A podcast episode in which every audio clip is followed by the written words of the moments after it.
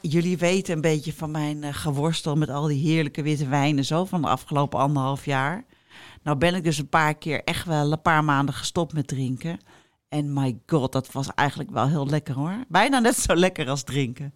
Nou ja, nu komen de feestdagen eraan. Dus ik dacht, uh, ik laat hem weer even hangen. Maar in januari ga ik heel lekker weer een tijdje stoppen met drinken. En om dat te vieren heb ik een cursus gemaakt. Ja, samen met verslavingsarts Sigrid Seidhoff. Die uh, is directeur van een aantal verslavingsklinieken. Ze is heel lang huisarts geweest.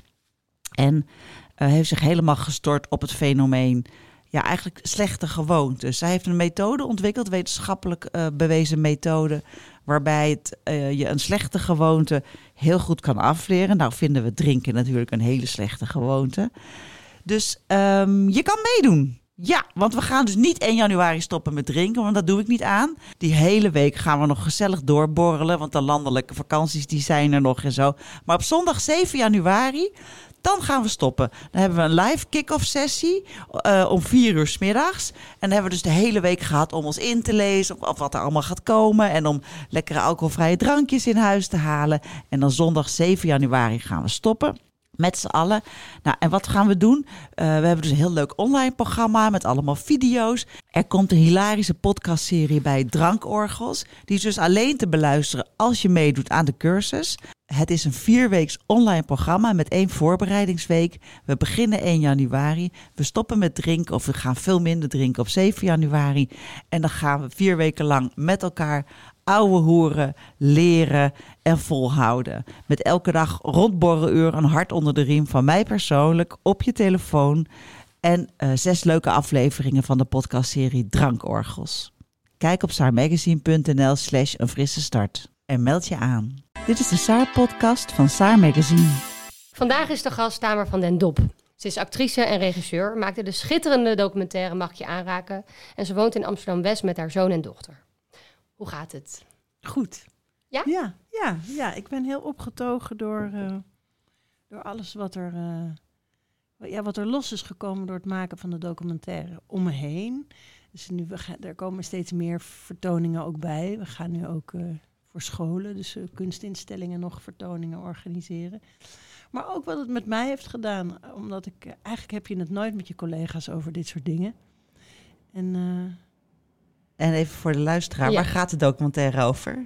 Uh, over het maken van intieme scènes, ja. maar dan vanuit het perspectief van de acteur. Ja, seksscènes. Ja. ja. En, uh, nou, niet alleen seks, mm -hmm. ook, ook uh, een verkrachtingsscène of een, nou ja. En dat vanuit het perspectief van acteurs die in de jaren zeventig al scènes maakten tot helemaal nu. Omdat Jeroen er nogal Krabbe, wat veranderd ja. is. Ja, ja. Peter Faber. En, en omdat je dus eigenlijk dat nooit bespreekt met je collega's. Uh, en nu is wel, iedereen ging open en het was een soort, ja, ze, gun, ze vertrouwden me en ze gunden me het ook en elkaar. We gunden het elkaar om het daar eens over te hebben. En die, en die solidariteit die heeft wel wat positiefs met me gedaan. Ja. Zeggen. Fijn, wat goed. Ja. Wat gaat, ja, ja, we gaan het er straks uitgebreid over hebben, hè, van de documentaire. En hoe is het met jouw bar?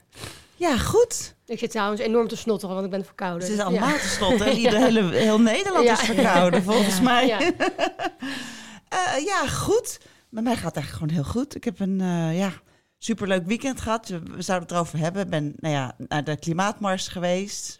Vond ik even slikken, want ik was, uh, ik was iets te laat. Om, om, om kwart over één ben ik aangehaakt op het Rokin. En toen belandde ik in een blokje pro-Palestina. Toen dacht ik, oké, okay, wacht even... Uh, maar wacht even, waar zijn mijn matties van Extinction Rebellion? Dus toen ben ik er weer even uitgestapt en uh, ben ik gaan zoeken. En toen bleek het eigenlijk ja, één groot wolkje te zijn. Toen dacht ik, oké, prima. Ik, ik, ik, ik, uh, vind het heel verschrikkelijk wat er in Gaza gebeurt. Maar ik ben hier gewoon heel erg voor het klimaat. Dat is heel erg mijn verhaal en mijn activisme. Dus toen heb ik weer allemaal wolkjes gevonden van mensen die dat ook zo voelden. En toen, um, ja, op Museumplein dacht ik ook van ja, dit is niet mijn, uh, dit is niet mijn mars. Maar echt waar, dat verbaast me een beetje. Want klimaat gaat toch ook om rechtvaardigheid. En dat, ja. als dat nu gebeurt in Gaza en als, we, als mensen daar voor pro-Palestina staan, dan, staan, dan kan dat toch? Of... Ja, het is niet waar ik voor gekomen ben. En ik heb, een, ja, ik heb gewoon een heel duidelijk standpunt. Het gaat voor mij, is, is klimaat is het aller, allereerste, allerbelangrijkste. Ja. En uh, misschien was ik ook wel met een... Uh, pro-Palestina demonstratie meegelopen. Nou, dat was, ik denk, had ik denk ik niet gedaan, omdat ik er ook niet genoeg van af weet. Voel me niet betrokken genoeg. Eh, ik vind het heel verschrikkelijk wat er gebeurt, maar eh, nou ja, ik moet hier wel even over nadenken. Ja, en kan je niet lopen voor jou, voor het klimaat, maar solidair met Ja. pro-Palestina. Heb ik ook gedaan. Ja, Ja. ja. Maar ik dacht wel, eh, als. Ja, nou ja, ik vond het gewoon. Ik vind het gewoon ook helemaal niet slim. We hebben gewoon een heel duidelijk standpunt. Extinction Rebellion. Ja, tuurlijk, Extinction is ook verschrikkelijk. Gaza, genocide. Maar het, ja, eh, nou ja, ik voel me daar niet in thuis. Ben jij naar de klimaatmars geweest Nee. toevallig? Nee, ik lag Nee, heel schiep. Ja. ja. ja, ik had hetzelfde. Ja. Ja. Ja, en ik hou niet zo van grote meutes. Oh Ik nee? ben niet, nee, ik hou er niet van. Dat roept iets bij me op wat ik. eh, dat heb, ik heb het ook als ik een stadion binnenga. Dat Ja. massale, ja. dat vind ik iets beangstigends. Oh, Ik heb het ook. Dus ik, ik kom daar aan en ik moet dan echt wel huilen. Ik vind het echt heel emotioneel. Omdat ik sowieso veel mensen bij elkaar. Ik heb het ook op Koningsdag gehoord. Dan moet ik ook altijd een beetje huilen. Maar nu was ik wel geëmotioneerd van wauw, al die mensen komen hiervoor en zo.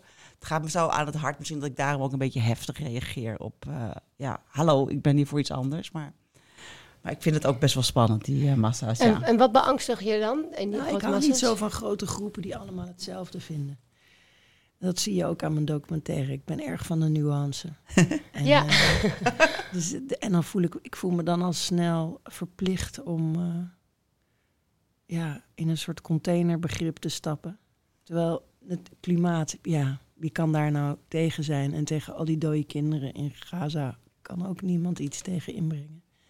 En, ehm, en, en, en ben je bezig met klimaat? Is dat een belangrijk thema jawel, voor je? Jawel, ja, jawel. precies. Ja, jawel. Ik ben heel bewust. Heel bewust. ja. Ik ga je microfoon iets dichterbij zetten. Je praat heel Ja. zachtjes, Ja. maar dat komt door je Ja. verkoudheid, denk Ja. ik. Zo. En, ehm, en, en hoe is het met Femke? Eh, stil. Ja? Heel weinig gehoord. Eh, volgens mij betekent dat niet echt veel verbetering, verandering. Dus ik, ik, ik, ik weet het niet eigenlijk. Nee. Nog helemaal niks. Gewoon.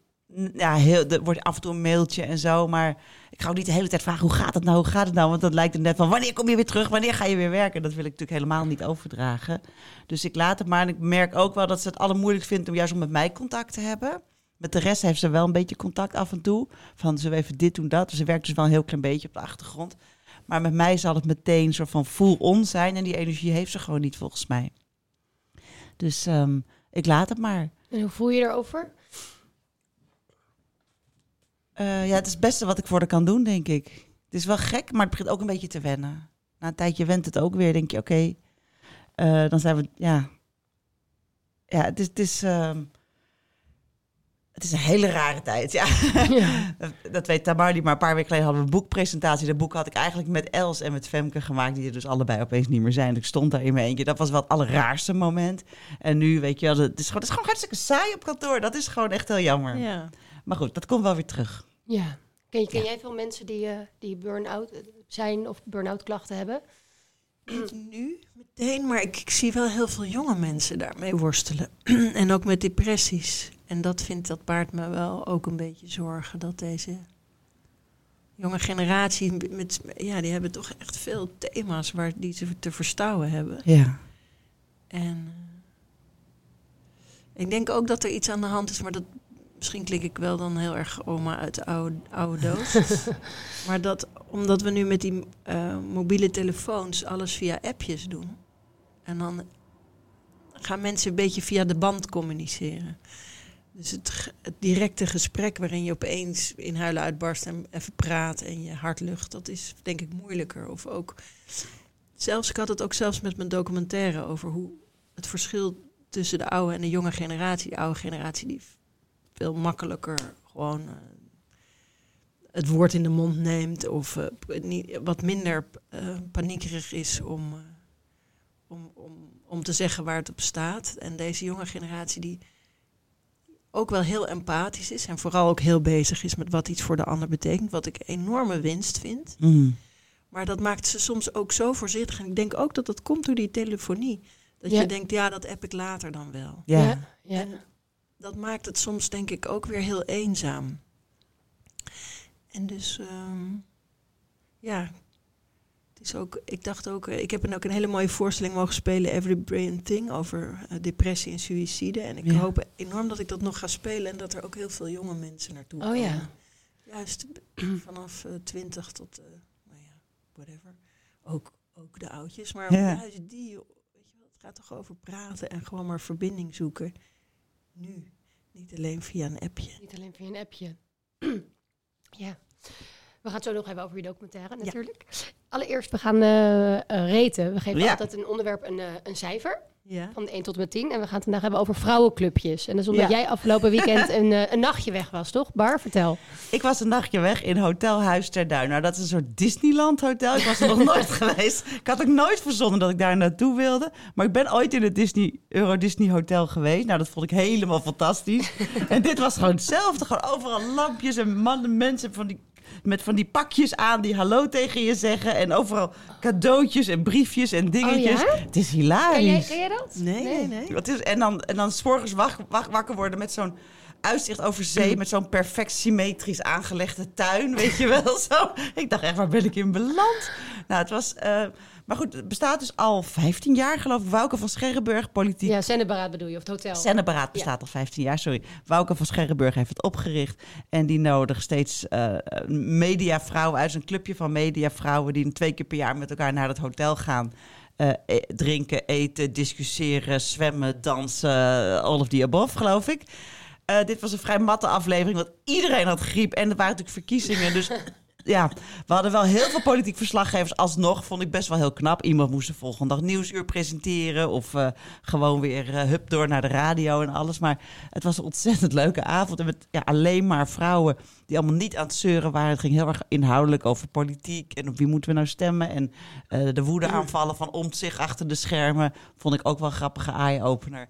Ehm, ik heb me ontzettend vermaakt. En ik dacht, dit gaat heel laat worden.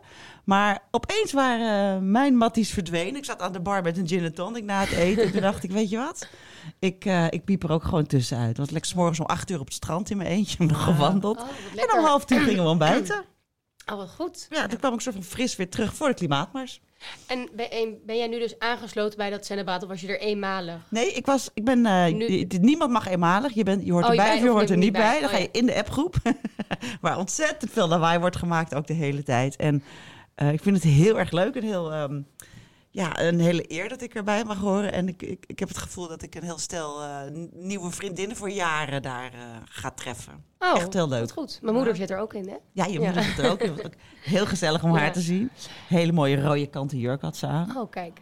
Zij was nog wel bij een feestje beland. Ergens, ergens in de krochten van het hotel was een heel groot gala gaande. Dat had zij weer gevonden. Ik gelukkig niet, want dan was ik niet levend thuisgekomen. Maar ehm, het was ontzettend leuk. Oh, wat goed. Ja. Eh, heb jij dit, ben jij onderdeel van dit soort vrouwenclubs, clubjes? Nee. Of hoort het bij die massa voor jou, waar je het net over had?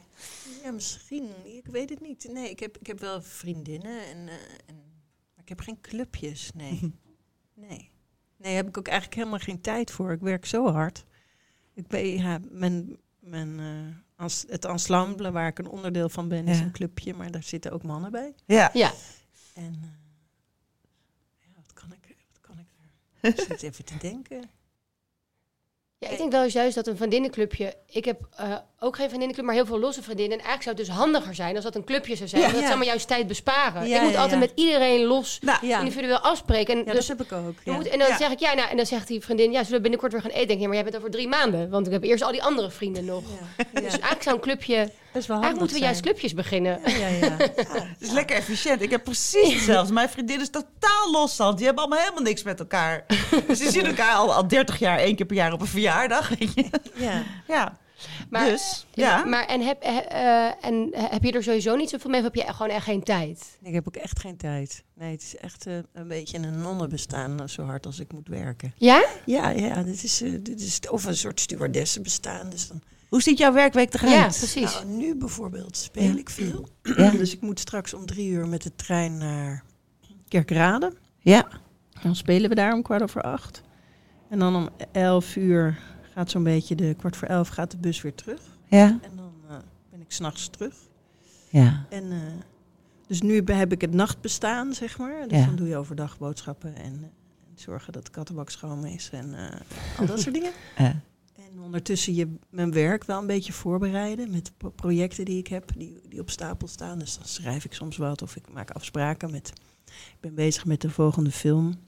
Oh, Of ik ben tekst aan het leren voor een film waarin ik ga spelen. Of Ja. een monoloog weer. Of een stuk. Nou ja, zo. En, en je hebt ook kinderen? Ja. En eh, die wonen bij jou 100% of niet? Ja, ja? Ja. Hoe oud zijn ze? 20 en 16. Oh, dus ja. die kan je wel een avondje alleen laten. Ja, inmiddels is dat al wel makkelijk. Ja. Ik me helemaal zorgen dat- maken. Vroeger was het altijd zo'n zo'n eh, broddelwerkje van Ja. oppassen. En, Oh, dat is fijn. Ja, dat is heel fijn. Ja. En als we vrouwclubje dus een, eh, Ja. vrouwclubjes een cijfer geven, tussen 1 en 10, wat, wat, wat geven we dan? Wat, wat zou jij het geven? Een vrouwenclubje. Ja, waar we het net over hadden. Maar ik was er niet bij, dus daar kan Nee. ik niks over zeggen. Nee, nee, maar het, in, het, al- in het algemeen het begrip. Eh, nou, ik denk wel dat het heel leuk is om. Want dat is wat ik ook merkte aan die documentaire. Als je meer, met meer openheid dingen kunt bespreken, dat dat heel. Die, en die solidariteit die daaruit kan komen, heel tof is. Ja. En ook eh, leerzaam en ook mooi. Maar ja, ik heb wat ik al zeg, ik heb dat met massa's en met groepjes. Dat je dan. Ik vind er, er zit ook iets in wat ik moeilijk vind. Omdat Mhm. ik ook belangrijk vind dat ik mijn eigen mening mag hebben Mm. en niet me verplicht voel om hetzelfde te vinden als de groep. En dus Nou, ik ben dat- daar altijd heel voorzichtig in. Ja, begrijp, ik begrijp dat heel goed. Ja. Dus, dus wel welk cijfer? God, ik weet, toen je zei reten, zag Ja. ik letterlijk Oh, een paar billen. Oh, nou ja, maar wat zou jij het geven, Bar? Nou, ik vind het heel efficiënt, heel leuk, heel gezellig. Eh, risico op te veel drinken. Gaat één puntje van de tien af. Ehm, eh, ja, ik, vind, ik vond het echt zo leuk. We geven het gewoon negen. Wauw. Ja. Wauw, dus dat ene drankpuntje gaat eraf. Ja, ja, ja, precies. Ja, ik, heb er dus, ik herken heel erg wat jij zegt. Ik, ik heb er echt heel weinig mee. Ja. Maar überhaupt, ik weet niet, vriendinnenclubjes of vriendenclubjes, gewoon clubjes. Ja.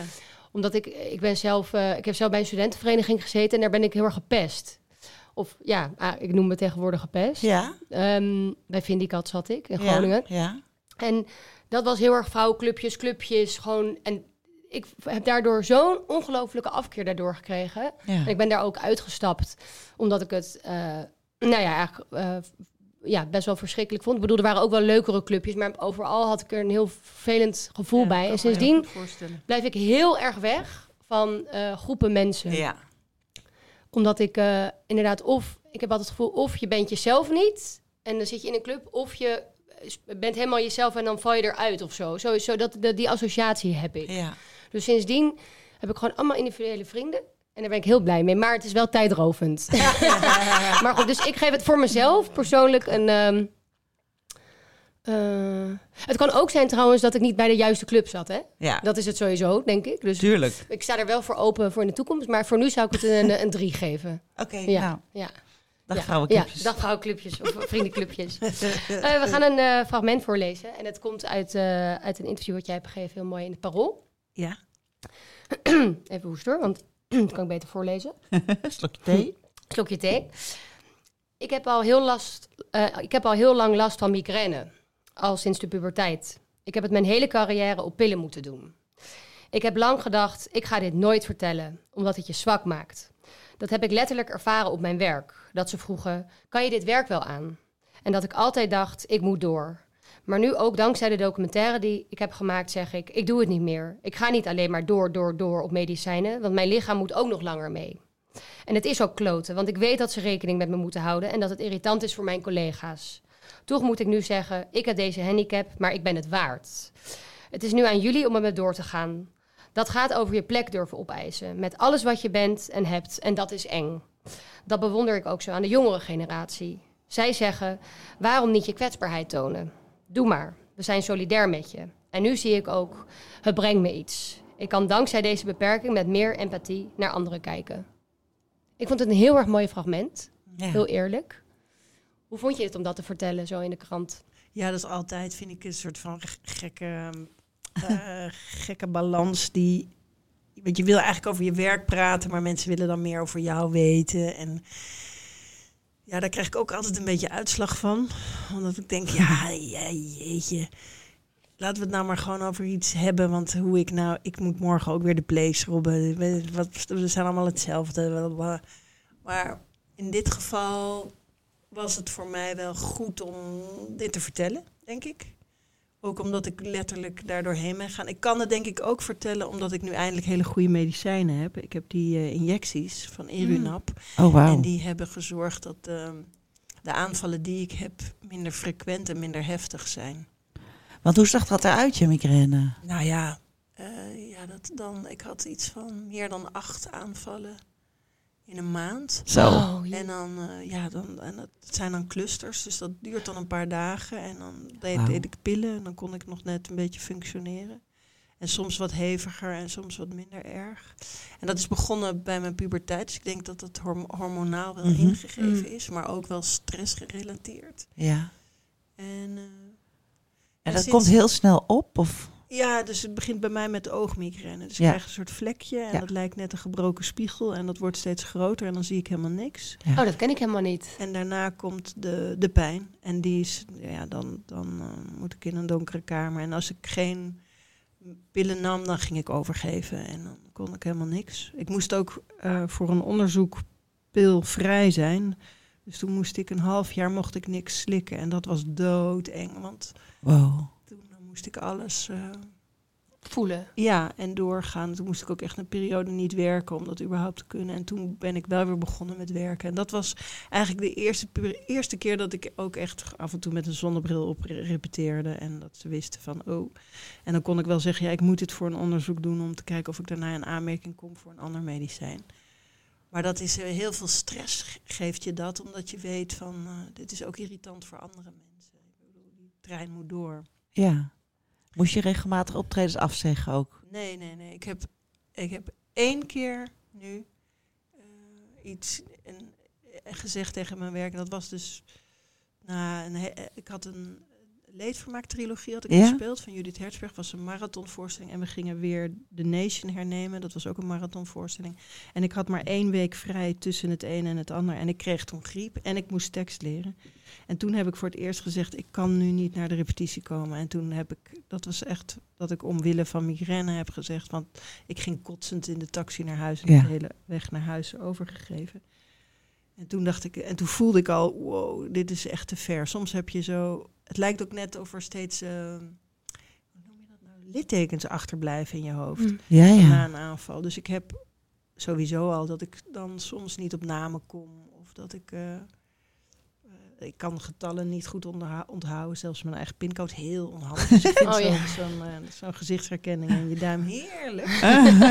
maar ehm, dus ik voel wel dat dat littekens achterlaat. Dat Ja, dat steeds ehm, lastiger is soms op sommige dagen. Als ik wel sluimende migraine heb. Want nu door die Irinap onderdrukt dat de pijn. Maar ik kan wel dan soms een beetje waziger zijn en slechter op namen komen. Maar ehm, toen heb ik voor het eerst gezegd van nou, dit gaat niet. En Ja. Dat was eigenlijk voor het eerst. En hiervoor heb ik altijd dan, dan maar met pillen en zonnebrillen op eh, toch gespeeld. En waarom had je altijd zo dat gevoel van ik moet door? Ja, dat is, dat is eh, zo, zo zijn we opgevoed op de academie. Mhm. Zelfs begrafenissen, koorts, maakt niet uit. Je bent er, want er rekenen allemaal mensen op je. Dus Ja. eh, zelfs nu met dit griepje. Gisteren is de techniek al eh, afgereisd naar Kerkrade voor de voorstelling opbouwen. En eh, als, ik, eh, als ik niet zou gaan nu, ze hebben zij voor niks op, zijn zij voor niks die kant op gegaan. En, dus het is een soort van. En ook je collega's en ook het publiek en Ja. het geld wat het Ja. inbrengt. En, dus er zit een soort heel grote verantwoordelijkheid om, om, eh, ja, om, om door te gaan. Ja. Maar ja, op een gegeven moment moet je ook wel een soort van doorhebben van dit is het lichaam, dit is mijn huis. Ja. moet ik toch langer nog mee door kunnen. Dus ik moet ook, terwijl spelen is ook heel gezond, hè? daardoor beweeg ik. En, en, eh, ik, en, en kantoorbaan zou niks voor mij zijn, Mhm. altijd hetzelfde. Daar zou ik heel ongelukkig van worden. Ja.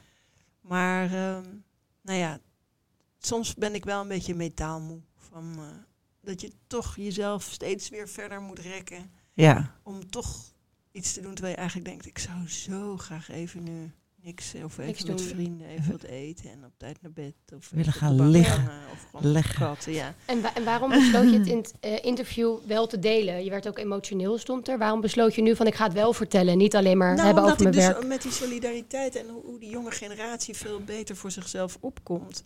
En dat ik dacht, ja, dat is een onderdeel van die, van die weg die we aan het bewandelen zijn met elkaar. Zouden die wel afzeggen? Denk je? Ja, Ja, ja. Ja? Ik Nou heb ja, migraine. Nou, ik, ik niet. nou... Maar goed, ik ben ook niet representatief. afzeggen, Maar, Maar in ieder geval wel mensen sneller deelgenoot maken van zoiets. Ik zei ja, ja, dat precies. niet. Ja. Oh ja, ja. En ik, Niet ga niet over stoer, afzeggen, ja. want dat doe, doe ik ook Nee, niet. nee. Of dat, dat doen we nog steeds niet. Je- Je gaat gewoon door als het kan. Mhm. Als je kunt lopen en praten, dan doe je het. Ja. En eh, dan, ga je, dan ga je nog door. Maar dat je dus zegt dat, het, dat, je, nou ja, dat je je sneller deelgenoot maakt van... Ja, bijvoorbeeld Hanna. Hanna van Vlieten hadden we het over. Van, eh, zij, zij had het idee van, waarom hebben we eigenlijk nooit... eh, waarom eh, zou het niet een goed idee zijn dat je met productie van tevoren bespreekt: oké, wa- wat is die planning? Wanneer staat die vrijzijde? Oeh, dan, eh, dan, zit, dan ben ik eigenlijk ongesteld in die periode. Dikke kans. Kunnen we dat even schuiven? Ja. Nou, dat zou dus nooit bij me zijn opgekomen. Ja, Maar ja, zij ja. bedenkt dat. En, en toen dacht ik: goh, wat een on- ontzettend onwijs goed idee Ja. eigenlijk. Want het is voor niemand leuk dat het zo. eh, en dan kan die planning dat meenemen. Ik bedoel, dat is een soort van manier van denken Ja. Die, ja, die heb ik niet geleerd. En die, ja, dat ontwikkelt zich nu een beetje. Dat, dat we, het is natuurlijk ook, want dat, daarvan ben ik me ook enorm bewust, dat het een maatschappij is die heel erg door mannen is. Opgebouwd en geregeerd. En Ja. Ja. dat ik, dus ik schreef ook in dat artikel dat, er, dat ik eh, heel jaloers ben op papa-dagen die er nu zijn. En Ja. dat ik echt denk, ja, nu, Ja. waarom... En dan hoor ik zo in bedrijf, ja, maar dat is ook omdat jij je daar zo hard voor hebt gemaakt. En jij hebt verteld hoe dat voor jou was, dat je alles thuis moet regelen. En dat ik zei, ja, maar als we dus repeteren twee maanden, dan ben ik non-stop alleen maar aan het werk. Kan ik niet met ze naar de tandarts. Of, Ja. Dan hebben we première. Dan spelen we en dan kan ik ook nauwelijks, omdat ik alweer smiddags weg ben. Ja, kan ik als niet school- ja. met, eh, dat kan dan niet. Dus ik moet dan na zo'n tour gewoon een week of twee hebben om me even puin te ruimen. Alles op. Ja. Ja. Nou, dat never heard of, weet je wel. Je, eh, ik, ehm, dat heet dubbelen. Dat je dus s'avonds de ene voorstelling speelt en overdag al de andere repeteert. Ja. Dat, is, Oh, ja. dat was gewoon toen ik jong was. Dat gebeurde heel vaak. En Ja. hoe, hoe heb jij dat dan gedaan? Eh, eh, eh, heb jij een partner? Of hebben de... Ja, Ja. Ja?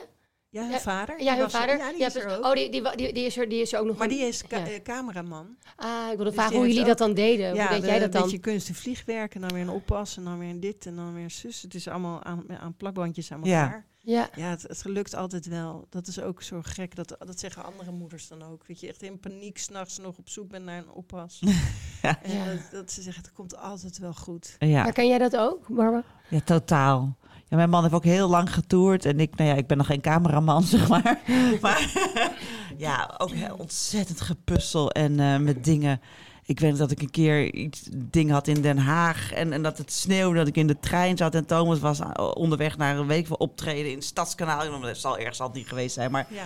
en dat je dan vastzit in de sneeuw met de trein en eh, ja, Oh, daar gaat hij. Telefoon. en dat Oh ja, je dat denkt van, dus niet. ja, de, de crash gaat om half zeven dicht, weet je wel. En het was ook in de tijd dat de mobiele telefoons nog niet zo super goed waren. Dus die was dan, ik weet niet meer, leeg, kon niemand bereiken. Ja, dat soort toestanden. Ik ben zo blij dat ik daar vanaf ben. Ja. Oh. Dat je gewoon de kinderen kan appen, kom wat later. Dat hoeft niet eens meer, weet je. Ja, dus, ja, eh, ja. ze hebben geld. maar. Ja. Wil je kinderen? Ja. ja. Eh, Maar nu is er papa-dag. Dus dat, ja. En mama-dag. Precies, Ja. het is nu al menselijk. Ja, ja, dat is fijn. ja. Want dat is. Daar, dat was ook een reden om het te zeggen. Dat ik denk. ehm, hoe zeg ik dat nou leuk? Mm. Nou ja, ik vind, het, ik vind dat patriarchaat nogal dwingend in onze maatschappij. Ja. Daar heb, heb ik best last van gehad. Of nog steeds. Dat ik denk, jongens, het is best wel een, een, een old boys ma- een bolwerk. En dat ik vind dat daar echt nog, bijvoorbeeld als ik kijk naar waar ik eh, borstvoeding heb moeten geven. En Ja. nou ja, echt sorry, maar we moeten, dit moet toch echt nu wat verbeteren. En ik voel ook dat dat nu aan het verbeteren is. Ja, Dus ik hoop enorm dat het voor mijn kinderen beter geregeld wordt. Dat het goed is dat je bij de bevalling van je, van je kind bent en vrij, langer vrij krijgt. En nou ja, Ja, Zel- de- Er worden zijn, er zijn natuurlijk ook helemaal. Nu lees ik af en toe over. Als vrouwen dan ongesteld zijn, dat het, dat het in Spanje. dat je Ja. je dan ziek mag melden en zo. Geweldig. Hè, hè? Ja, wat vind jij daarvan? Nou, als je er veel Ja. last van hebt, dan mag je Precies. van mij je ziek melden. Maar anders dan... eh, ja, ik heb er nooit zo van... Ja, dan Ja, hobbel je het- door. Maar ja, dat is het, hè? Ik denk dat wij, onze generatie, vindt het veel moeilijker om toe te geven dat iets pittig was. Ja. Hmm. Dus. eh, Ja, ik Ja, zie mezelf ook nog wel echt hevig bloedend op een kantoortoilet. Dat je denkt van dit gaat eigenlijk gewoon niet. nee. En dat je een vergadering uit moet lopen omdat je denkt, oh my god, weet je wel.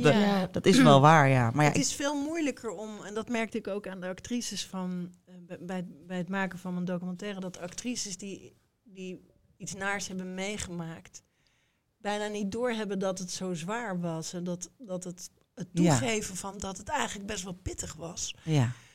Eh, best wel moeilijk is. Omdat je, je, er, je bent erin gehard, je hebt jezelf gedwongen om Ja. dat aan te kunnen. En dan komt, dat wat merkte ik dan bijvoorbeeld met die pappadagen, een soort gevoel van jaloezie een beetje los van. Hoezo nu wel? Waarom zij, en dat je denkt, ja nee, dit is vooruitgang, dat is goed, Ja. weet je wel. ja. Maar, want je denkt bijna, ja, ga jij ook maar eens even zo je best doen, eh, weet je wel. Maar dat is helemaal slecht, want wa- waar- waarom? Wa- Laten we toch in godsnaam veranderen. En wa- waarom moet je je zo, waarom zou je zo stoer moeten doen? Waarom zou je... Ik bedoel, ik merk zelf ook als mensen mij de ruimte geven en ik mag er even bij komen, dan ga ik daarna keihard door. Waar- waarom moet het altijd in die regeltjes tussen 9 en 5? En precies, weet je wel, pff, ah, ik word Ja. helemaal, dat is ook weer zo'n, ja, dat, een soort dogma van de groep. Ja, Kan ik niet tegen eigenlijk. Kan ik verandering is nodig. Ja. Ja. Zullen we Ja. heel even naar de commercial gaan? Dan gaan we naar het hoofdthema, je documentaire. Ja. Ja? is goed.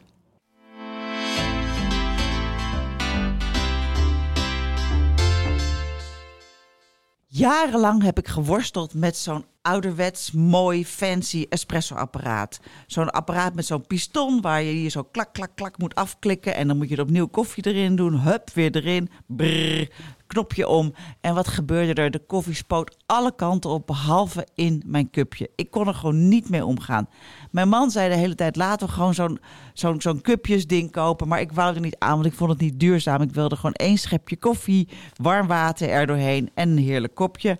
Maar op een of andere manier, heel veel mensen lukt het wel, maar mij lukte het helemaal niet. Altijd gerotzooi. Dat ding ontplofte in mijn gezicht. Chagrijn, morgens in de keuken. Totdat mijn man zei, nou heb ik het gehad. Ik koop voor jou gewoon een cupjesapparaat. Nou, maar wat had hij nou eh, bedacht? Eh, de cupjes zijn natuurlijk heel erg niet duurzaam, maar de koffiejongens die hebben mega duurzame cupjes ontwikkeld. Deze cupjes zijn 100% biologisch afbreekbaar. Ze zijn gemaakt van planten en ze kunnen na gebruik zelfs op de composthoop en bij het groente- en fruitafval. dus toen hij die kocht, was ik daar super blij mee. We hebben een abonnement op de koffiejongens. Ze komen elke week met een fiets komen ze onze koffievoorraad brengen. En ik kan eindelijk zonder schuldgevoel eh, biologisch afbreekbare cupjes gebruiken. Heerlijke koffie drinken. En ik heb nooit meer koffie die in mijn gezicht spuit. Nou, lijkt je nou ook wat? Ga naar www.dekoffiejongens.nl slash de Zaarpodcast. En met de code de Zaarpodcast kan je twee keer 5 euro korting krijgen op de eerste twee bestellingen van een abonnement. Het staat ook in de show notes.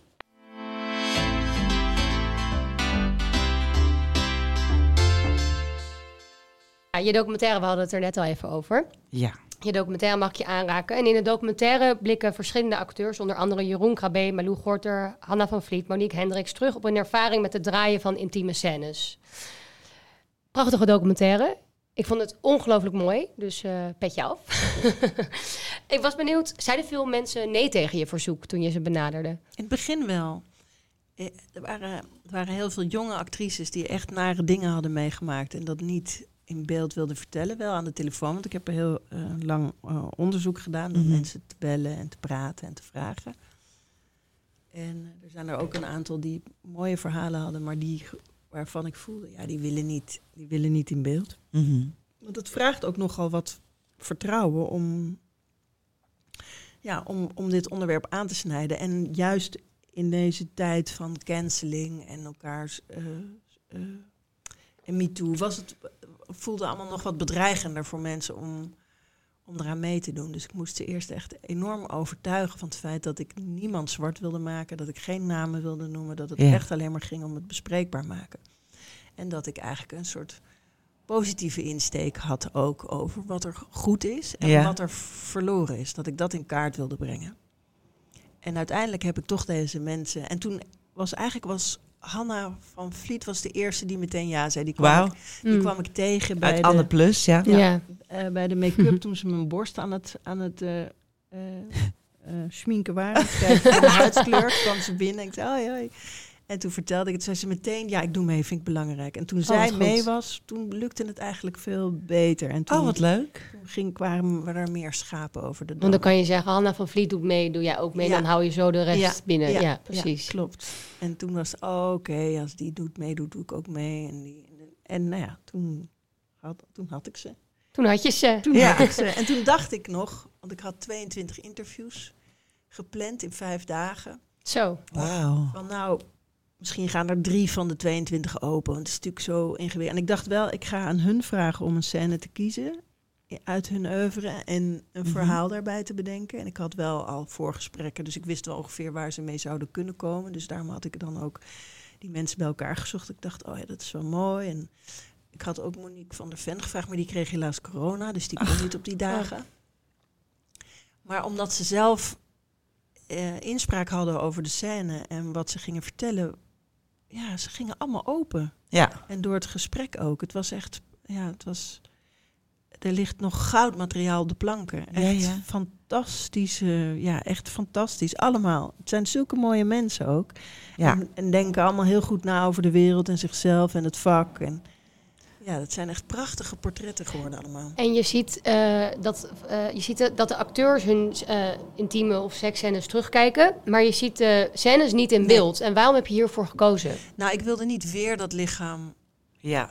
exploiteren en, en weer meedoen daaraan. En ik dacht ook, dat komt dan omdat ik zelf ook regisseer, ik vind het geluid vaak intenser dan het beeld. En ik had zo'n vermoeden dat het dat, dat terugkijken eigenlijk het bijzonderste was. En dat het, eh, maar toen, eh, ja, de omroep was een beetje huiverig. Dus zei ik, nou weet je wat ik dan wel doe, dan draai ik wel ook een projectie van die scène op het oog. Ja. Als, het, als het echt nodig is, dan stoppen we het ertussen. Maar ik wil dat eigenlijk echt niet. En, eh, en ook die insteek was voor de acteurs heel helder. Dat, dat het niet eens in beeld hoefde te komen. Ja. Of, of als dan al een beetje vaag, meer su- een suggestiewekkend. Maar het was dus, sorry, heel prachtig. Want je zag dus die gezichten Ja. van die acteurs. Ik wou het even beschrijven voor de luisteraar.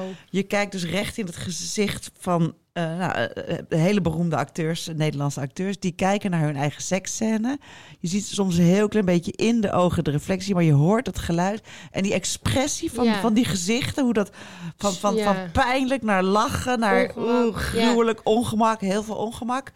Ging, het was, ik vond adembenemend. Adembenemend. Zo puur. Die, Ja. die, die gezichtsuitdrukkingen. Echt zo ongelooflijk bijzonder. Ja, echt heel en dan mooi inderdaad ook heel mooi dat, dat, dat het zo op het oog gefilmd is. Ik weet niet hoe je dat, Ja.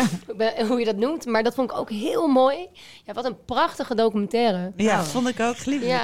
Nee, echt. Ik moest me Ja. daartoe aanzetten. Ik zag het voorbij komen nog voordat je te gast zou zijn. Dacht ik, oh ja, ja, ja, ja, ja, moet misschien kijken. Ja, nou ja, ja, een beetje klein onderwerp. Zat een beetje zo van, ja, ja, ja, ja, ja. Oh ja, moeilijk, moeilijk actrices. Nou ja, interesseert me dat nou? Weet niet. Zo zat ik een beetje van, nou, hè. En toen, eh, toen eh, zou je te gast komen.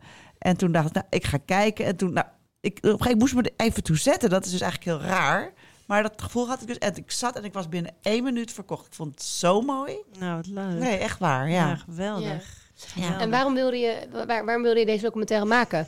Nou, ik was in eerste instantie gevraagd door de eindredacteur of ik eh, over dat nieuwe beroep, eh, intimiteitscoördinator, iets wilde maken. Oh ja. En, eh, en hij was geïnteresseerd in MeToo. En toen zei ik meteen, ik kan geen MeToo-film maken. Ik ga niet poepen in mijn eigen vijver. En ik ben het ook een beetje moe. Ik ben MeToo moe. Ja. Het is hartstikke goed dat de dingen zijn opengebroken, maar er zit, ik, er- ik ervaar ook een verkramping weer. En dat is ook weer zo'n druk, die dr- groepsdruk. Dat ik. eh, mensen zijn ook bang om zich uit te spreken nu, om het verkeerde te zeggen of het verkeerde te doen. En die verkramping is niet goed. Juist dat gesprek moet op gang komen. Dus ik wilde heel graag het gesprek op gang brengen, maar er waren ook wel thema's we hadden het er net al over, het, se- het- het seksisme wat ik, eh, wat ik waar heb genomen in eh, de soort scènes die ik heb moeten spelen. Of de soort rollen of de situaties waarin ik me heb gevonden in het leven. Het beeld van wat mannelijk is, het beeld van wat vrouwelijk is, de invloed van, van internet, pornosites. Er waren wel een aantal thema's die ik, die ik maatschappelijk belangrijk vond. En waarvan ik dacht, hé, hey, dat wil ik wel. Als we daar ook iets over kunnen zeggen of kenbaar over kunnen maken, dat het niet alleen maar gaat van, oh, hoe kijk, zo doen die gekke acteurs dat, maar dat het Mhm. ook gaat Ja. over Ja. mijn moeder en mijn dochter en mijn eh, nichtje en eh, mijn, eh, mijn oom. En dat iedereen zich ergens wel in kan herkennen. En de discussie is natuurlijk best heftig nu, omdat ik merkte dat... Ik ben een kind van de jaren zeventig gewend om, om in mijn blootje rond te lopen en topless op het strand te staan. En een paar jaar geleden werd dat opeens, werd, kreeg ik daar commentaar op. En dat was zo bevreemdend voor mij. Ik dacht, Ja. hè? Wat krijgen we nou? En opeens ja, merkte ik een soort, ja, een soort, nie- een soort een nieuwe verkramping omtrent dat naakte lichaam. En dat zag ik wel al langer. Dat zo'n kinderprogramma als Bloot heet dat Ja, geloof ik. gewoon bloot. Gewoon bloot, ja. ja. Ja. Dat, waar zo verkrampt hysterisch op gereageerd is. Dat Je denkt, dat is nou echt het allerslechtste wat we kunnen doen. Ja. En ook met kinderen die dan van zo'n dak springen om een sexting. Dat je denkt, wat is daar nou de remedie tegen? Dat is toch echt het bespreekbaar maken. Ja. En niet verbieden, maar juist zeggen... Je bent prachtig, maakt het uit. ja. En of als je het doet, wees je bewust, het kan erop staan. Maakt mij niet uit. Het hoort bij je ontwikkeling dat je dat wil on- ontdekken en wil delen. En als iemand dat deelt, zegt vooral veel over diegene. Maar iets anders kan je denk ik niet doen. Dus die, die verkramping eraf halen, dat was een soort van mijn, ja, mijn, mijn missie. Dat was het een beetje. En ik vond het heel leuk om acteurs te portretteren. Want er is ook altijd zo'n cliché over acteurs dat ze altijd, dat ze altijd acteren. ja. Ja, Maar ja. eens laten zien hoe Ja. kwetsbaar Ja. en heldhaftig ze zijn. En dat ze dat allemaal inzetten om een verhaal te vertellen. En dat ze heel goed nadenken over, willen, is dit verhaal het waard? Moet het zo verteld? En dat ze heus wel nadenken en soms overvallen worden of niet de kans krijgen om, om daar wat over, over te zeggen. Maar nu is, is dat moment er. En dat Ja. is heel interessant aan nu en heel hoopgevend aan nu. Maar ik vond het ook grappig dat je, er bleek uit die film heel erg dat heleboel seksscènes, dat de regisseurs en de scenaristen ook denken, nou, eh, eh, potje heftige seks. En dan denk ik, oké, hup, volg, dat Ja. laat ik bij de acteur Ja, liggen. doe maar, Ja, doe Ja, maar. doe maar. En die regisseur denkt ook, oh, eh, ja, doe maar, heftige seks. En, en, en dat ze dat dan zelf ter plekke moeten oplossen. En Ja. dus hun hele eigen manier erin doen. Ja. Ja, of dat er dan manier- gedacht wordt van, oh, dit, zo doe jij dat dus. Ja. Terwijl bij een vechtscène is er ook een bepaalde mate van techniek, omdat er een, een stuntcoördinator bij Ja. is. En dat is leuk aan dit beroep. Dat, eh, en ook het misverstand. En het is nog in de maken. Een intimiteitscoördinator Ja. bedoel je? Ja. ja, Ja, ja. Het, is nog, het, is, het is nog niet. Je hebt eh, coördina- coördinatoren die er heel goed in zijn en heel, heel, heel ver al zijn in kennis en in techniek en hoe ze het aanpakken. En eh, ook coördinatoren die dat nog niet zo goed. Dus het is ook nog in de maak. Dus het is ook best wel. Ik vond het ook wel spannend, omdat ik eh, dacht, ja, ik wil er open over praten, maar, maar moeten we er is er, is er al ruimte om er ook iets van kritiek op te hebben? Van nou, zo moet je dat dan niet doen, maar zo wel. En dat, nou ja, dat vond ik uiteindelijk toch ondergeschikt aan het feit dat het heel veel oplevert. Omdat het, het, maakt het A bespreekbaar. Ja. Dat is al heel goed. Ja. En B technisch ook. En het is, het is een beetje in het verdomhoekje geraakt door MeToo van... oh, dat is een politieagent en dan mag er niks. Ja. En met een slechte coördinator, coördinator kan dat ook gebeuren. Dat het juist heel verkrampt en dat het, de wijze van het daarover hebben juist het veel eh, eh, gewichtiger en verkrampter maakt Ja. dan de- technisch en vrij. Want een intimiteitscoördinatie die zegt bijvoorbeeld, die introduceert de acteur en de actrice bij elkaar. En die, die gaan elkaar dan langzaam aanraken. Die zeggen, Nou, mag het ik je... begint eerst met een Ja, voorgesprek. vertel. Dus ze Ja? ze eh, leest het script, ze Ja. spreekt met de regisseur. Wat wil je zien? Oké, en wil je... Je zegt ze, is het altijd een vrouw? Tot nu toe wel. Ja, ja, Oh ja. oké. ja. Oh ja. Ja. Ja, dat is waar. Ja, Ik heb nog geen man, maar waarschijnlijk is het inmiddels is zijn er ook al mannen. Maar Ja. tot nu toe heb ik alleen maar kennis gemaakt met en ik, ik neem altijd Marcousa Hamer. Ja. Die daar Ja. die, eh, daar heb ik mee gewerkt. En die heeft mij ook, eh, daar, die ben ik echt schatplichtig, want die heeft me heel veel verteld daarover. Dus ik zie altijd haar voor me. Dus, Ja. als ik dan, dus daarom zeg ik ook ze. Dat, dat, nou, die begint dan met een gesprek met de regisseur. Wat wil je? Oké, ik- er staat hier zoenen. Is- Wil je met tong of zonder tong? En wil je dat er voorspel is of naspel? Op welk moment wil je zien? Wil je ook dat er een hoogtepunt is? Allemaal vragen. Ja. Ja. Hoe naakt? Wat wil je allemaal zien? Dan eh, belt ze met de acteurs. Oké, deze scène heb je gelezen. Wa- heb, zijn er grenzen, dingen die je niet wil? Nou, ik wil mijn tepels niet in beeld. Of ik wil niet echt zoenen met een tong. Of eh, voor mij maakt het niet uit, je mag alles hebben. Ik vind het zo'n goede scène en ik heb zo'n vertrouwen in deze regisseur. Kom maar op. Nou, die werelden moeten elkaar vinden in een repetitie. Dus dan noemt zij, nou, de regisseur, wat wil je? Ja, je hebt gezegd, je wilt met tong. Ik hoor van deze actrice, die wil liever niet met tong. Is dat een probleem? Kunnen we daar een oplossing voor vinden? Of ze wil haar tepels niet in beeld. En jij wil wel de borsten zien, maar ik- is er misschien een ander lichaamsdeel dat je graag wil Ja. zien? En zo ja. opent ze het gesprek en eh, eh, geeft ze ook bijvoorbeeld eh, jonge acteurs handvaten van, nou, hoe, hoe denk je dat, dat dit personage klaar kan komen? Ja. Dan Oh ja. eh, denk, praat ze over dieren. Of, eh, en, maar eigenlijk maakt ze het daarmee technischer. En eh, Ja, ja. mijn ervaring is dat juist het bespreken en het ook technisch bespreken maakt dat er veel meer mogelijk is. En dat het niet zo op het laatst, eh, op het laatste Aankomt. mensen ja. maar bij elkaar zetten en dan Ja. heel verkrampt, dus een soort in paniek iets doen. Terwijl als je ervaren acteurs hebt, die, die kunnen dat wel. Weet je? Die, je hebt ook acteurs die dat, die dat ongemakkelijk vinden. Bijvoorbeeld zo'n bodycheck, dat is elkaar aanraken Ja. en toestemming vragen Ja, en dat voor kwam, de ook naar, dat, dat kwam ook naar voren in de documentaire. Dat terwijl de, de reacties op een intimiteitscoördinator waren ook best wel wisselend. Ja, Dus Ja. ja. zeg ik het goed dat dan, als die conclusie ook, dat meer de oudere generatie en vooral mannen, die vonden het eerder, ehm, eh, ja, die vonden het eerder een beetje... Jeroen Krabbe, Peter Faber, die lagen in de deuk. Ja. Ja, en eh, ja, toch? Zag je Ja, dat verschil nou, ook? Was ook? Ik moet wel nog zeggen dat deze film heb ik in coronatijd gefilmd, die interviews. Dus toen was er, waren er ook acteurs die er nog niet mee hadden gewerkt. En Ja, ja. inmiddels dat wel hebben gedaan en dat helemaal hebben omarmd. Oké, En ook uh, Marcusa zelf, die dan voor mij het, het voorbeeld is van een coördinator. Die zei ook, ja, ik heb inmiddels ook die bodycheck aangepast op de acteurs die ik voor me heb. Je kan ook een mondelinge bodycheck van, oh ja, heb je ergens iets? Nee, je moet niet aan mijn knie komen, die is net geopereerd. Oké. ja, Eh, precies. dat kan ook. Maar Ja. er zijn ook acteurs die het wel fijn vinden om dat aanraken al gedaan te hebben. Ja, ja, ja. Maar bijvoorbeeld zo'n bodycheck kun je niet met twee acteurs in een lichtbus doen. Nee. Er moet een coördinator bij zijn en daar moet even tijd voor gemaakt worden om dat rustig te kunnen doen. Ja. Dus het is ook nog het implementeren van deze techniek die ook nog, dat moet helemaal doorcijpelen in productie die dat plant, eh, de, de, het filmfonds die dat begroot, eh, ja. een regisseur die dat omarmt. En Ja. dat dus die verkramping van, oh dat is een politieagent en daar mag niks, dat dat, dat dat niet meer zo gezien wordt. En dat er ook echt best wel nog een scène gemaakt kan worden zonder coördinator op de set. Dat je dat, dat gesprek wel hebt met elkaar. Dat lijkt mij namelijk wel echt een winst. En dat zou ik ten alle tijden iedereen aanraden om wel dat gesprek te openen als je dat zelf ingewikkeld vindt. ja. En heb jij het zelf gemist, een intimiteitscoördinator als actrice? Ehm, nou ja, dat is weer dat ding wat toen ik jou zo aankeek van dat je zei ja ongesteld, ja je, dat doe je gewoon. Ja, Ja. als je als je er heel erg last van hebt, oké, weet je wel. Uh-huh. Dat is bijna moeilijk om te zeggen, omdat ik gewoon gewend was om dat zo te doen. Dat deed je gewoon. Dat ja. deed je gewoon. Maar eh,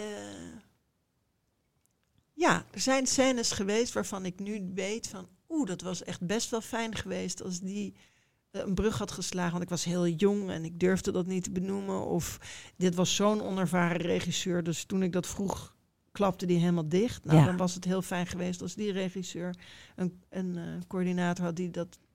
Die, ja, weet je wel, die dat een beetje kan begeleiden. Want er zijn natuurlijk altijd ook de jonge actrices die je naakt ziet, die dus Ja. meteen Ja. de meeste seksscènes moeten spelen. En, en acteurs ook. En acteurs ook. Ja, ja, sorry. Ja, ja. Even kwetsbaar. Nee, want ik zag die mannen, Jeroen Spitsenberg en Waldemar Torres, daar ook ontzettend worstelen met een aantal scènes. Me- Meer aan het begin van hun carrière. Ook van, oké, nou, eh, doe maar wat, weet je wel. Dat dacht van, oké, oké, wat gaan we hier, eh, hoe gaan we Ja, dit en doen? Maar je- Acteurs zijn super ja. empathische wezens. Dus die zijn ook heel erg bezig met de ander. Ja, Dus die hebben achteraf dan heel veel. als ze dat hoorden, van, eh, oh, dat vinden ze heel afschuwelijk. Ja. Ja, maar jij zegt net even kwetsbaar zijn ze, jonge acteurs en actrices. Ja, Is dat zo? ja, Ja? ja, ik vind jongens even kwetsbaar. Ja, dat vind ik. Ja. Bij het maakproces hè, op de set. Ik heb Ja, het niet nee. over als het daarna op een porno-site staat. Ik denk dat daar wel een verschil is. Maar op het, bij het maken zelf, ik, zie- je ziet dat aan Joes en Lina in de documentaire. Joes is even kwetsbaar als Lina. Ja. Joes heeft iets meer Ja. ervaring, maar je ziet aan hem hoe, Ja. hoe heftig dat ook voor hem is. En dat hij zich zo naakt terugziet en dat hij zich er helemaal in gooit. En ook denkt, pff, en ook heel erg bezig is met hoe dat voor Lina is Ja. geweest. En Ja. achteraf ze, zij, hebben ze ook elkaar weer gesproken. Jeetje, ik wist niet dat het zo heftig was. En daar had hij dan ook weer heel veel last van. Van, oh, had ik dat nog maar, had ik iets, heb ik iets nog beter moeten aanvoelen? Oftewel, het is echt de liefste gast Mhm. die je maar kan bedenken. Dus in die zin ehm, vind ik het belangrijk dat er soort van die bevrijding die er is voor vrouwen moet ook voor mannen zijn. Het is ook net zo ridicuul dat mannen aan een soort bepaald beeld moeten voldoen over wat mannelijk is. Ja. Ja, zeker. En Ja. dat is toch echt goed dat dat nou eens op de schop gaat. Dus daar is er maar veel aan gelegen om te zeggen dat mannen daar even kwetsbaar in zijn als, als Ja. vrouwen. Wat me Heb wel je- ook heel erg raakte was dat meisje uit Mokromafia, die actrice. Die zei na die hele heftige seksscène, wat voor haar Verkrachtingsscène, ja. verkrachtingsscène, heeft heel veel consequenties voor haar gehad. Ook zo. Maar na die scène kreeg zij bloemen en hij niet. Ja. ja. Dat vond ik echt een moment dat ik dacht, oké, wow, vooral omdat Ja. het, ja. Hoe was het om, om, dat, om dat verhaal aan te horen? Nou, mo- eh, mo- eh, moeilijk, omdat ik natuurlijk niet wil dat iemand verdrietig is en ook niet zo. Ik wil geen, wilde geen scoopfilm maken. Mhm. Dus de afspraak met eh, Nora Mhm. Akuzu was dat ze elk moment kon zeggen dat ze het toch niet wou. Want ze was echt flink beschadigd. Dus Ja. ze had ook veel vertrouwen nodig om überhaupt eerst met mij te praten. En daarna om toch te komen. En dat terugzien was best heftig. En dat was iets wat ze weg had gestopt. En het mooie was dat ze na het zien al echt verlicht was. Wauw. Oh. was al meteen na dat interview, zei ze, dit, is, dit heeft me heel erg goed gedaan. En toen was het weer heel spannend, van ga ik, ga ik me- naar buiten met dit verhaal? Wat roept dat weer op bij mijn, Omgeving. bij mijn omgeving? Ja. En hoe gaat de pers hierop reageren? En hoe gaan de mensen voor wie ik heb gewerkt daarop reageren? En dus is, ik vind haar een extreem moedige, slimme, sterke, Ja. erudite vrouw. En heeft echt alle lof voor hoe ze dat heeft gedaan. Dus we hebben steeds samen gekeken naar.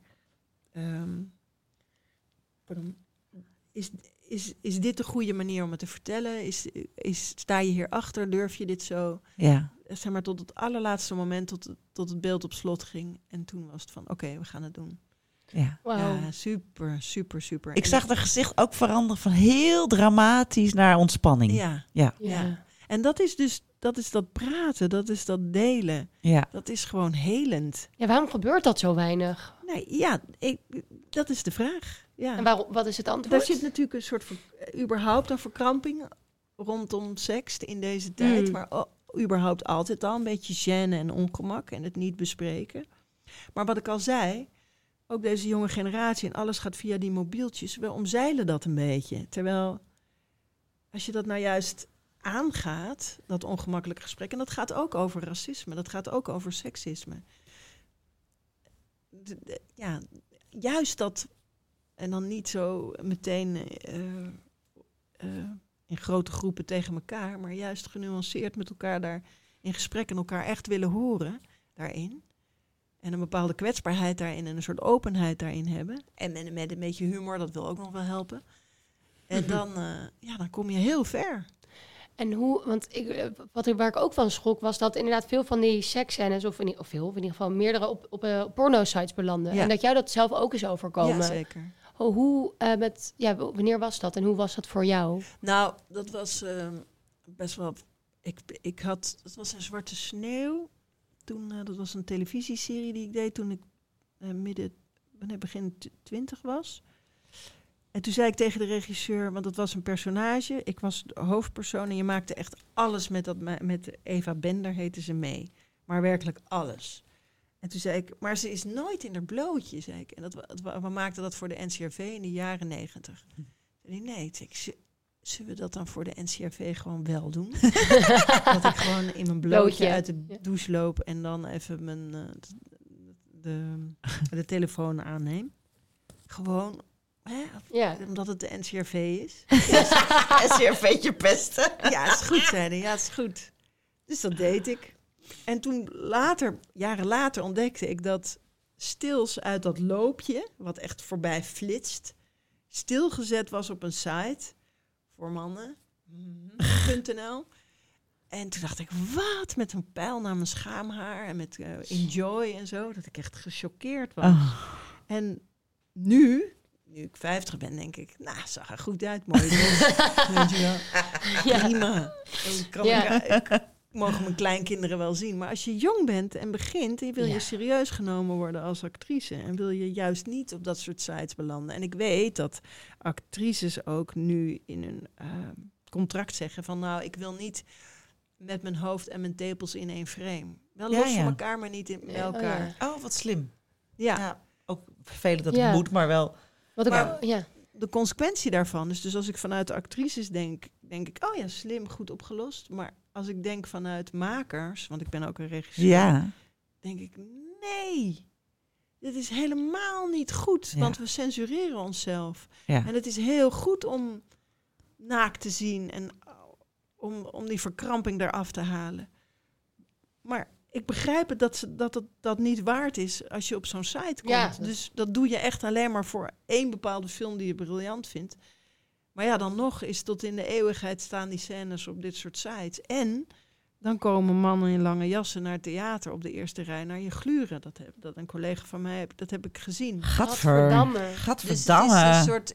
Dus ik, ik roep eigenlijk bij deze alle knappe koppen in Nederland op om iets te verzinnen dat het niet op zo'n porno-site kan. Ja. Want bijvoorbeeld met Netflix, je kunt geen foto nemen van een serie, want het wordt zwart.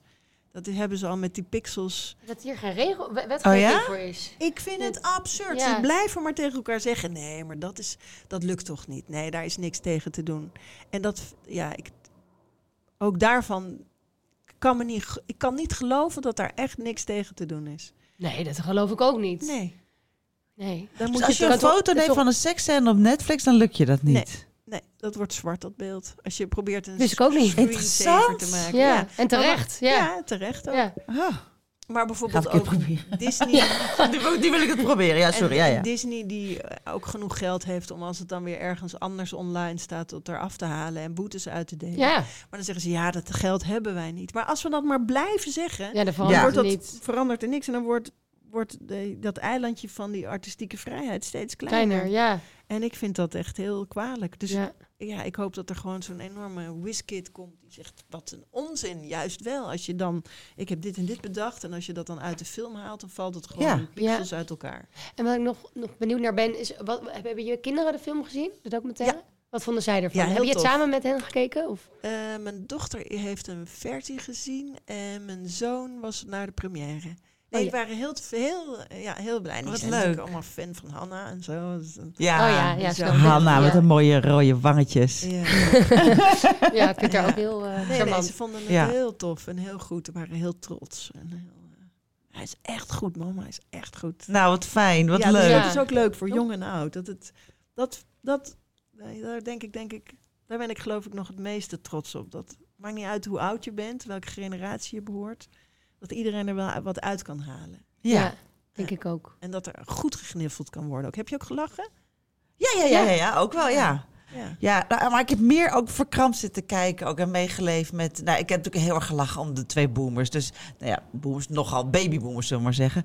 Jeroen Krabbe en Peter Faber, die echt bij alles... Intimiteitscoördinator, we deden dat gewoon. Weet je, die, die totaal ander perspectief op alles dan de rest. Ja. Hè, dat is de generatie daaronder, Waldemar en Jeroen Spitsenberg... Zie je al veel kwetsbaarder erin gaan. Maar die twee, Ja. ja, die hadden er echt helemaal niks mee. Dat vind ik dan ook wel weer... Ah, dat was ook leuk wel een aan beetje de première, aan zo'n zaal vol met mensen. Dat dan, ja, dan dat ongemak doet toch ook giebelen. Of Ja. als, men, als het dan gaat over vleeskleurig ondergoed. Oh, of ja. over- Ja.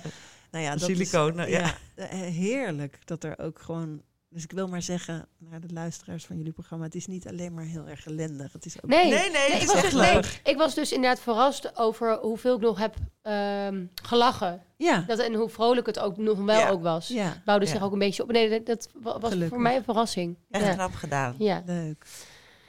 Ja, gaan we naar Ganiolen? Ganiolen, hè? Ik weet niet wat het is, hè? Nee, nee, weet je. dat? Ja. Leg jij het uit, Bar. Ja. Ja, we hebben een, eh, een paar jaar geleden een nieuw woord verzonnen voor Saar, graniolen. Dat is wanneer je denkt dat je nog lekker jong bent en goed eruit ziet, maar dat iemand je in één keer van je voetstuk afklapt. Bijvoorbeeld door u tegen je te Ja. zeggen. We hebben zelfs een keer iemand gehad hier die zei dat er een jonge meneer vroeg, zal ik u even helpen oversteken? nou, dat is wel de allerergste.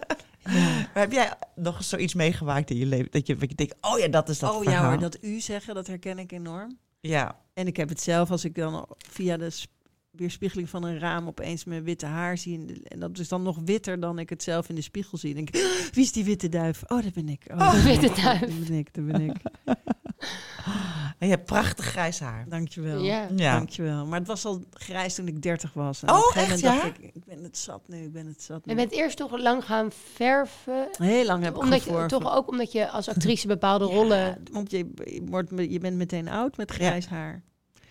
Tuurlijk. En dat was zo leuk aan de droom van de jeugd. Dat ik ook... Serie waar je vorig het jaar einde- hoofdrol speelde, toch? Ja. Even- Ja. ja. Ja.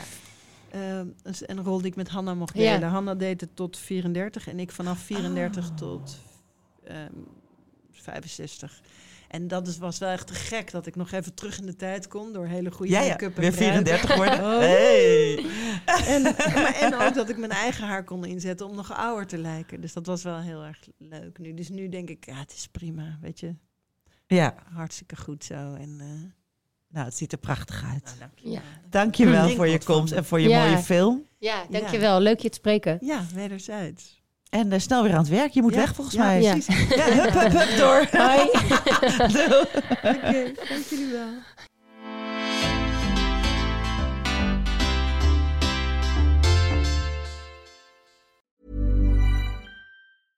Wil jij weten hoe het werkt achter de schermen bij de grote streamers als Netflix, en Videoland en HBO Max? Luister dan naar Content Wars met voorbeeldontwikkelaar en toch wel de legende Kirstian van Nieuwenhuizen. Ja, zou jij luisteren? Ik zou zeker luisteren, eh, ook als ik er zelf niet aan mee zou doen. Eh, Zou jij luisteren? Zou jij luisteren? samen- Oh, nog een keer. Korter. Ik zou absoluut luisteren, jongens. Ga luisteren, want je wil weten wat er achter de schermen gebeurt.